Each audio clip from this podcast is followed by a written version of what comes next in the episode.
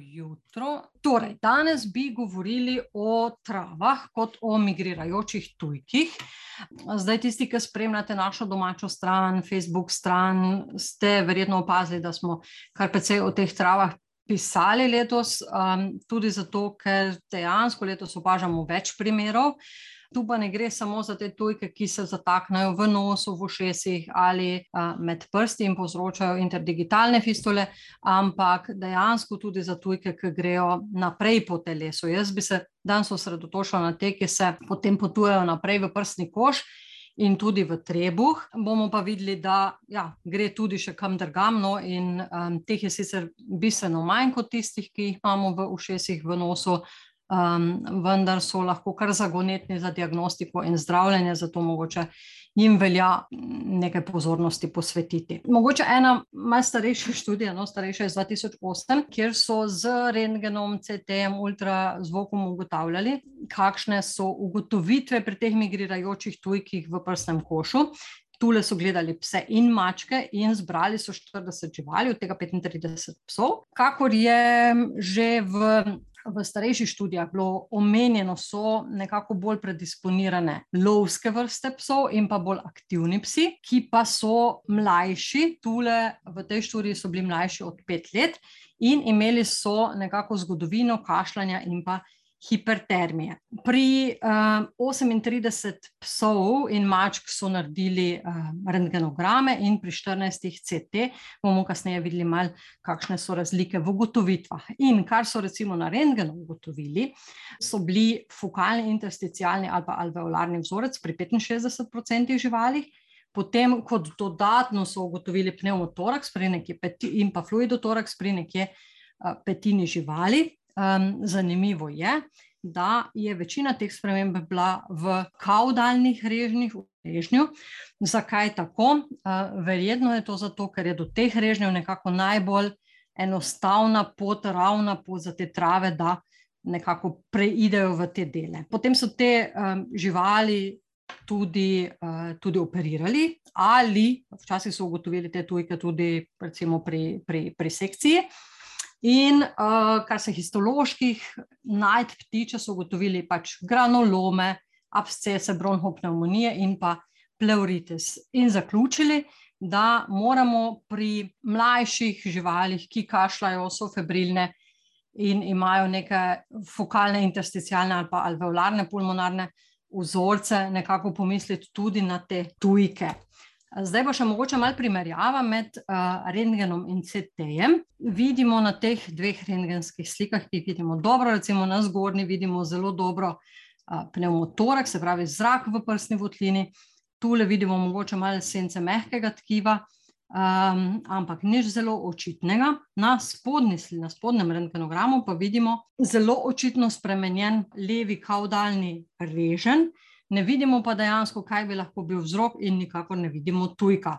Zdaj, če preskočimo v tole tabelo, ko so primerjali, se pravi, te živali, so, pri katerih so pri 38, naredi, uh, 38 naredili rengenograme in pri 14 še CT, vidimo, da se take bolj um, specifične spremembe lahko zaznajo samo s CT-jem. Recimo, da dejansko trakt pasiranja te trave ali, ali celo samo travo um, se vidi na CT-ju, so jo našli praktično v polovici primerov. In recimo pneumomediastinom, spremenjene bezgavke, predvsem mediastinalne. Oziroma, traheobronhijalne, se tudi vidi samo na CT-ju, ker tole bi lahko biti pa res enormno povečano, da bi lahko videli tudi na rentgenu. In praktično um, isti pes, kako je izgledal na CT-ju, se pravi, vidimo dejansko spremenjeno pljučno tkivo na CT-ju, in pa vidimo na B sliki, na desni sliki, tudi uh, dejanski tujek, ki je predrl pleuro, pljuč in se trenutno nahaja prosto v prsni votlini oziroma v, uh, v samem pneumotoraksu. Uh, Um, zdaj pa gremo dejansko na članek, ki, ki smo ga obravnavali, se pravi Treatment and Outcome of Spontaneous Pneumothorax Secondary to Suspected Migrating Vegetal Foreign Body in 37 Dogs. Jaz bom zdaj tam, temu Vegetal Foreign Body govorila kar trava, tako da ne zameriti. Um, to je to. Pa mogoče malo uvoda, kaj v bistvu pneumotoraks je in kako, kako lahko nastane. Se pravi, pneumotoraks gre za nabiranje zraka v prsni votlini, lahko nastane kot posledica travme, spontano ali atrogeno, se pravi, da smo mi povzročitelj. In če govorimo o spontanem, gre za zaprt pneumotoraks, ki nastane kot sekundarno po nekem puščanju zraka v prsno votlino iz pljučnega parenhima, bodi si zaradi bul ali kakšnih mehurčkov, kakšne pljučnice, abscesa na pljučih, in pa tudi kot posledica teh migrirajočih tujkov. Bule so um, krivec v večini primerov in so odgovorne za nekje tretjino do uh, dve tretjini primerov, medtem ko so tujki uh, doslej bili bolj redko opisani v pet procentih primerov, ampak mislim, da bo s tem, ko se to zdaj aktivno poroča, tale procent narastel. Kot smo prej že omenili, so bolj podvrženi aktivni in pa uh, lovski psi, recimo tule na vaš primer španjele, golden retrieverje in um, britanske španjele, ampak angliške koka španjele, ampak um, v bistvu so tudi druge pasme predisponirane, kar zelo opažamo. Uh, gre za regionalno in um, sezonsko pojavljanje. Sezona je pa malo odvisna od tega, kdaj je pač tisto vroče obdobje, kdaj se te trave pojavljajo. Um, tule pač navajajo zelo širok um, razpon od julija do decembra, mi jih načeloma opažamo tam nekje od maja, junija do avgusta, septembra, um, ampak res zelo različno, pač glede na, glede na uh, lokacijo. In uh, da bi si predstavljali, kako ta tujek potuje, nekako uh, gre za to, da ga žival ali vdiha ali pogodne, potem pasira uh, nosno votlino, nazofarinks, trahejo, pride v bronhuse, uh, predre v pljučno tkivo in enkrat, če je dovolj dolgo noter, predre tudi uh, samo pljučno tkivo in plevro, se najde v prosto v prsni votlini in potem, če ga v tem času ne ustranimo, ko gre tudi naprej čez diafragmo v muskulaturo v trebuhu in povzroča tam uh, abscese ali pa, ali, pa, ali pa take fistule na sami koži. Kar nekaj metod je bilo um, preizkušenih za ugotavljanje teh tujkov, recimo rengen, bronhoskopija, ultrazvok in CT, vse z namenom lokalizirati. Pač identificirati in lokalizirati vir pneumotoraksa, in pač v tem primeru tudi vir tujka, kaj ti sploh za prsno votlino velja, da je ne moramo kar nekaj odpreti in potem vse pregledati.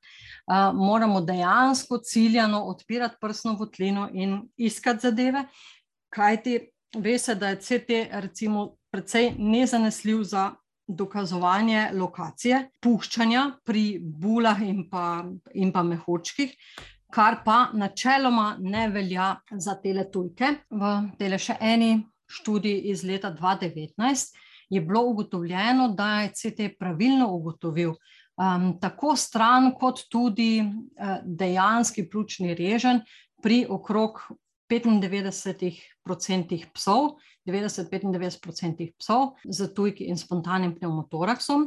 Um, zanimivo, ampak to smo že omenili, perforacijsko mesto je bilo večinoma v kaudalnih režnjih, tule kar v 91% in stran je CT ugotovil že zelo dobro. Recimo, če si predstavljamo, da sploh nimamo pojma, kje je nek tujek ali pa kje se nahaja bula, potem moramo v bistvu prstni koš odpirati na samem sternumu, se pravi, moramo delati sternotomijo, kar je precej zahtevno za potem kasnejše zdravljenje, ko je treba narediti odstranitev pljučnega režnja. Je iz strani sternotomije ekstremno zahtevno in nedostopno, zato dosti, dosti raje delamo eno interkostalno torakotomijo, kar pa seveda pomeni, da moramo vsaj vedeti, katero stran moramo odpirati. Tako da tule nam bo CT pri tujkih kar precej pomagal. Potem, kar je bilo ugotovljeno še na CT-u, pač da je bilo um, pljučno tkivo spremenjeno v smislu, da je izgledalo kot uh, mehko tkivo oziroma mehko tkivna senca, ki je ležala na sami površini pljuč in um, tam je bila tudi zadebeljena pleura. Včasih je bil pač uh, najden tudi tujek, in v tej študiji je bil tujek najden v 50% primerov dejansko viden. Potem pa se vračamo na našo študijo, um, si, ki ne samo, da je dejansko ugotavljala, v kolikih primerih je bil CT uspešen za diagnostiko kasneje diagnosticiranih tujkov, ampak tudi bomo pogledali, kako je bil CT uspešen, oziroma glede na to, ali je ali so radiologi našli tujek, ga videli tujek, ali so samo posumili na tujek. Tako da to je dejansko namen te študije bil.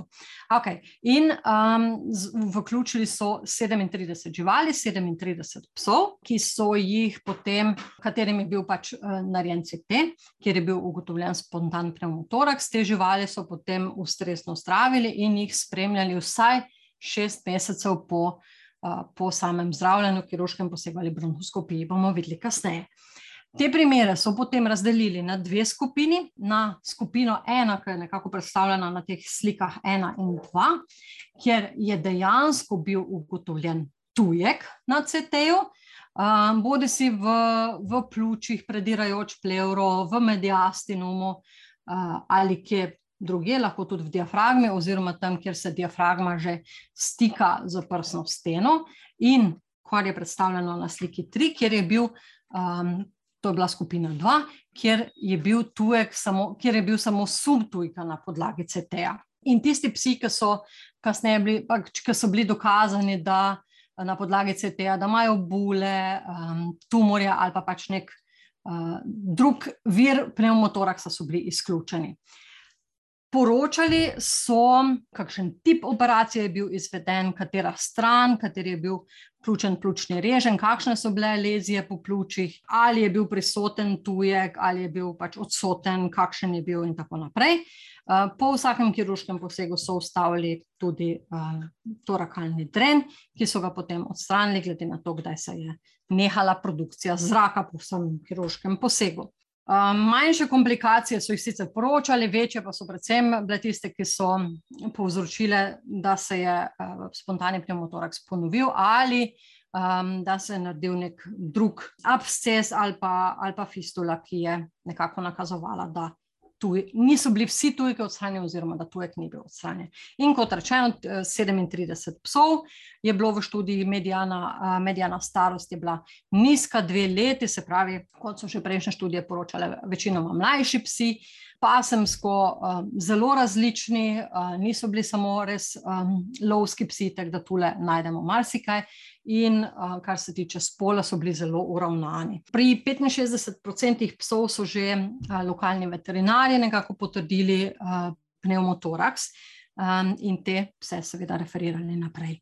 Klinične znaki, večinoma pri 80% primerov, tem, povišana telesna temperatura in apatičnost, potem dispneja, kašelj v dveh tretjinah primerov, ostali znaki se pa pojavljajo redkeje, se pravi zmanjšan apetit, bruhanje, kakšna bolečina neznanega izvora in tako naprej. Večinoma so ti psi imeli klinične znake tam okrog pet dni, dalj časa, in kar se tiče splošne krvne slike, je pri 62% psov bila ugotovljena neutrofilija. Potem, kar se tiče CT ugotovitev, glede na CT so pri 40 psih, ne pri 40 psih, pri 40 režnjih posumili, eh, da gre za perforacijo pljučnega režnja, in pri 26 eh, psih je šlo za, oziroma sum perforacije enega režnja, pri petih psih za eh, dva režnja, pri dveh pa so ugotovili, da gre za tujek, ampak niso našli perforacije. Pet psov je tudi imelo blag do srednje močan pleuralno. E, pleuralni izliv, vendar vidimo spodaj tule, ta izliv ni bil septičen, se pravi, ni bilo najdenih bakterij, ne na, tudi ne na citologiji. Potem bronhoskopija je bila narejena pri petih psih, pri enem je bil uspešno odstranjen tujek, pri enem um, odstranjen tujek, pa um, ker je posebej imel več tujkov in en se ni dal odstraniti, potem pri treh, pri enem bil ost, ne, ni, ni bil možno odstraniti tega tujka, in pri um, dveh tujka niso našli z bronhoskopijo, tako da ti so šli, na, um, seveda, v kirurški poseg. In pri pri teh 37 živalih so potem opravili 39 kirurških dostopov, pri 60% psov je bila medrebrna torakotomija, interpostalna, potem torakoskopija ali pa torakoskopsko asistirana kirurški dostop v 31% primerov. In pri tem so našli tudi 40 perforiranih pljučnih režnjev, se pravi, toliko kot so jih glede na CT posumili predvsem v kaudalnih režnjih in pa v aksesornem režnju, ostale režnje so bili bolj redko zastopani. Pri, pri tem so v prvi skupini našli dejansko v tisti, kjer je bil, glede na CT, dejansko dokazan tujek, bistveno več tujkov, se pravi 86%, v drugi skupini, kjer je bil samo sum tujka, pa v 50%. Dva psa v tej drugi skupini sta imela uh, bule, um, brez da bi bil viden kakšen tujek, um, ostali so pa, in ti so bili seveda tudi odstranjeni, um, ostale bomo pa videli, kako so se končali. Od teh um, lobektomij, ki so bile izvedene, jih je bilo um, 38% kompletnih, več kot 60% delnih, kot rečeno, so ustavili uh, torakalni tren in te živali so bile tudi hospitalizirane, vsaj dokler je bil dren noter. Um, ob samih kirurških posegih so naredili tudi bakteriološko preiskavo in izolirali eno široko plejado bakterij. Jih bomo kasneje videli tudi pri, pri tujkih, ki so bronhoskopsko odstranjeni, so podobne, podobni izolati. In te živali so potem spremljali povprečno 16 mesecev, večinoma niso, in pri teh živalih tudi niso ugotovili ponovitve pneumotoraksa. Pri devetih, tistih, kjer je bil spontan pneumotoraks, se pravi, treh v skupini ena in šestih v skupini dva, kjer ni bil ugotovljen tujek, pri treh od teh devetih psov je prišlo do nekako um, ali novega nastanka, oziroma nekako um, je tujek si dejansko bil prisoten, ne sicer v prstnem košu, kot je bilo takrat pri posegu ni bil ugotovljen, je pa prišlo do nastanka neke druge spremembe. Ali so se ob sami hrbtenici pojavila fistulni trakt ali paralombarni absces oziroma sublombarni absces. Čas do, do takrat, ko so se te spremembe pojavile, po prvi operaciji je bil nekje od, medijan čas je bil 1,5 meseca, se pravi, so se te spremembe pojavile v enem do treh mesecev mesov, in v vseh teh treh primerih uh, so bili ti tujki odstranjeni s pomočjo ultrazvoka. In mogoče zdaj še samo diskusija. Um, CT je v bistvu zelo zanesljiva metoda za um, dokaz strani in pa tudi za dokaz pljučnega režnja, ki je spremenjen. Več tujkov se najde v tisti, v tisti skupini, oziroma pri tistih psov, kjer so na CT-ju dejansko tujki tudi uh, vidni, in zdravljenje, seveda, nekako odstranitev tujka, bodi si da gre za bronhoskopijo ali pač kirurško. V bistvu glavna dilema ne najdejo, um, oziroma kaj, kaj je težava tam, in tu je nekako več vzrokov. Ej, prvi uh, možen vzrok je, da ti tujki lahko potujejo kar hitro. Se pravi, če mine nekaj časa od CT-ja do naše kirurške intervencije, je v tistem času tujek lahko šel že recimo iz pljučnega tkiva, iz prosto iz prsne votline naprej in ga zato ne najdemo. Um, druga možnost pa je, da se ti le oski deli, to sem že prej rekla, da je treba res ciljano odpirati prsni koš, ti le oski deli tam med samo prsno steno in diafragmo oziroma v skrajnem mediasinomu zelo težko pregledajo, ko odpiramo prsni koš. Tako da tu je um, možnost, da kaj spregledamo.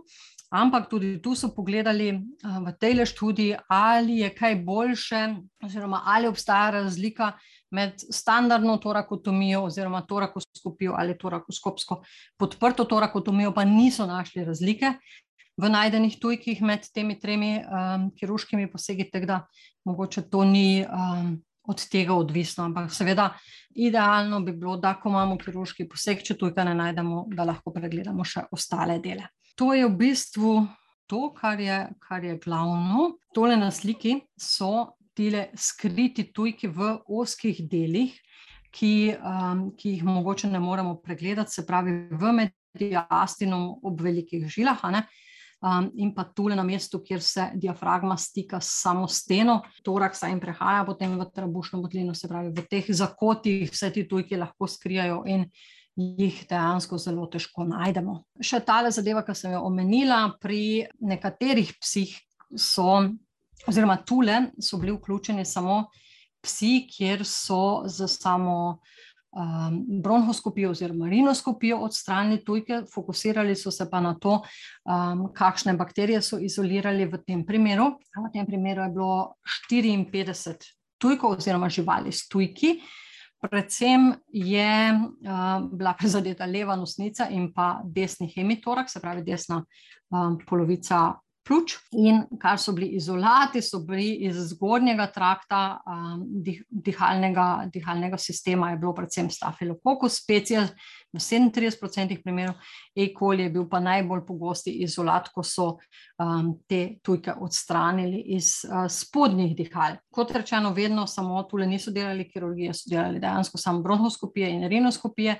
In um, te bakterije so bile večinoma občutljive na fluorokinolone in doksiciklin nekaj jih je bilo um, rezistentnih, tule še na desni strani, tabela, katere bakterije so izolirali in na kaj so bile um, vse občutljive. In kot vidimo, E. coli, Pantea, Aspergillus, Enterobacter, Pseudomonas, Staphylococcus, Aeromonas, se pravi zelo širok nabor bakterij in uh, ne moremo reči, da je ena bila res. V veliki večini primerov zastopana, ampak procente smo povedali. Um, potem še, um, kaj pa nekako pomen ultrazvoka pri, um, pri pljučnih teh tujkih oziroma travah. Um, v tej študiji so pa gledali 43 psov in dejansko pri prvem pač pregledu ultrazvočnem je bilo pri 23 tujek viden um, in diagnosticiran, kar je malo več kot polovica. Kasneje, ko so se spremembe nadaljevale, se je tujek um, našlo še pri nekaj ostalih primerih. Um, ampak mogoče zaključek, da ultrazvok pa ni najbolj primeren za diagnostiko pljučnih tujkov. Um, seveda, ja, ko so spremembe tik v prsnem košu, um, manjše živali, mogoče, ko dejansko so že neki abscesi, potem se jih vidi. Če pa je tkivo, vse na pljučno tkivo, vse na enem mestu dobro predihano, pa je ultrazvok manj primeren.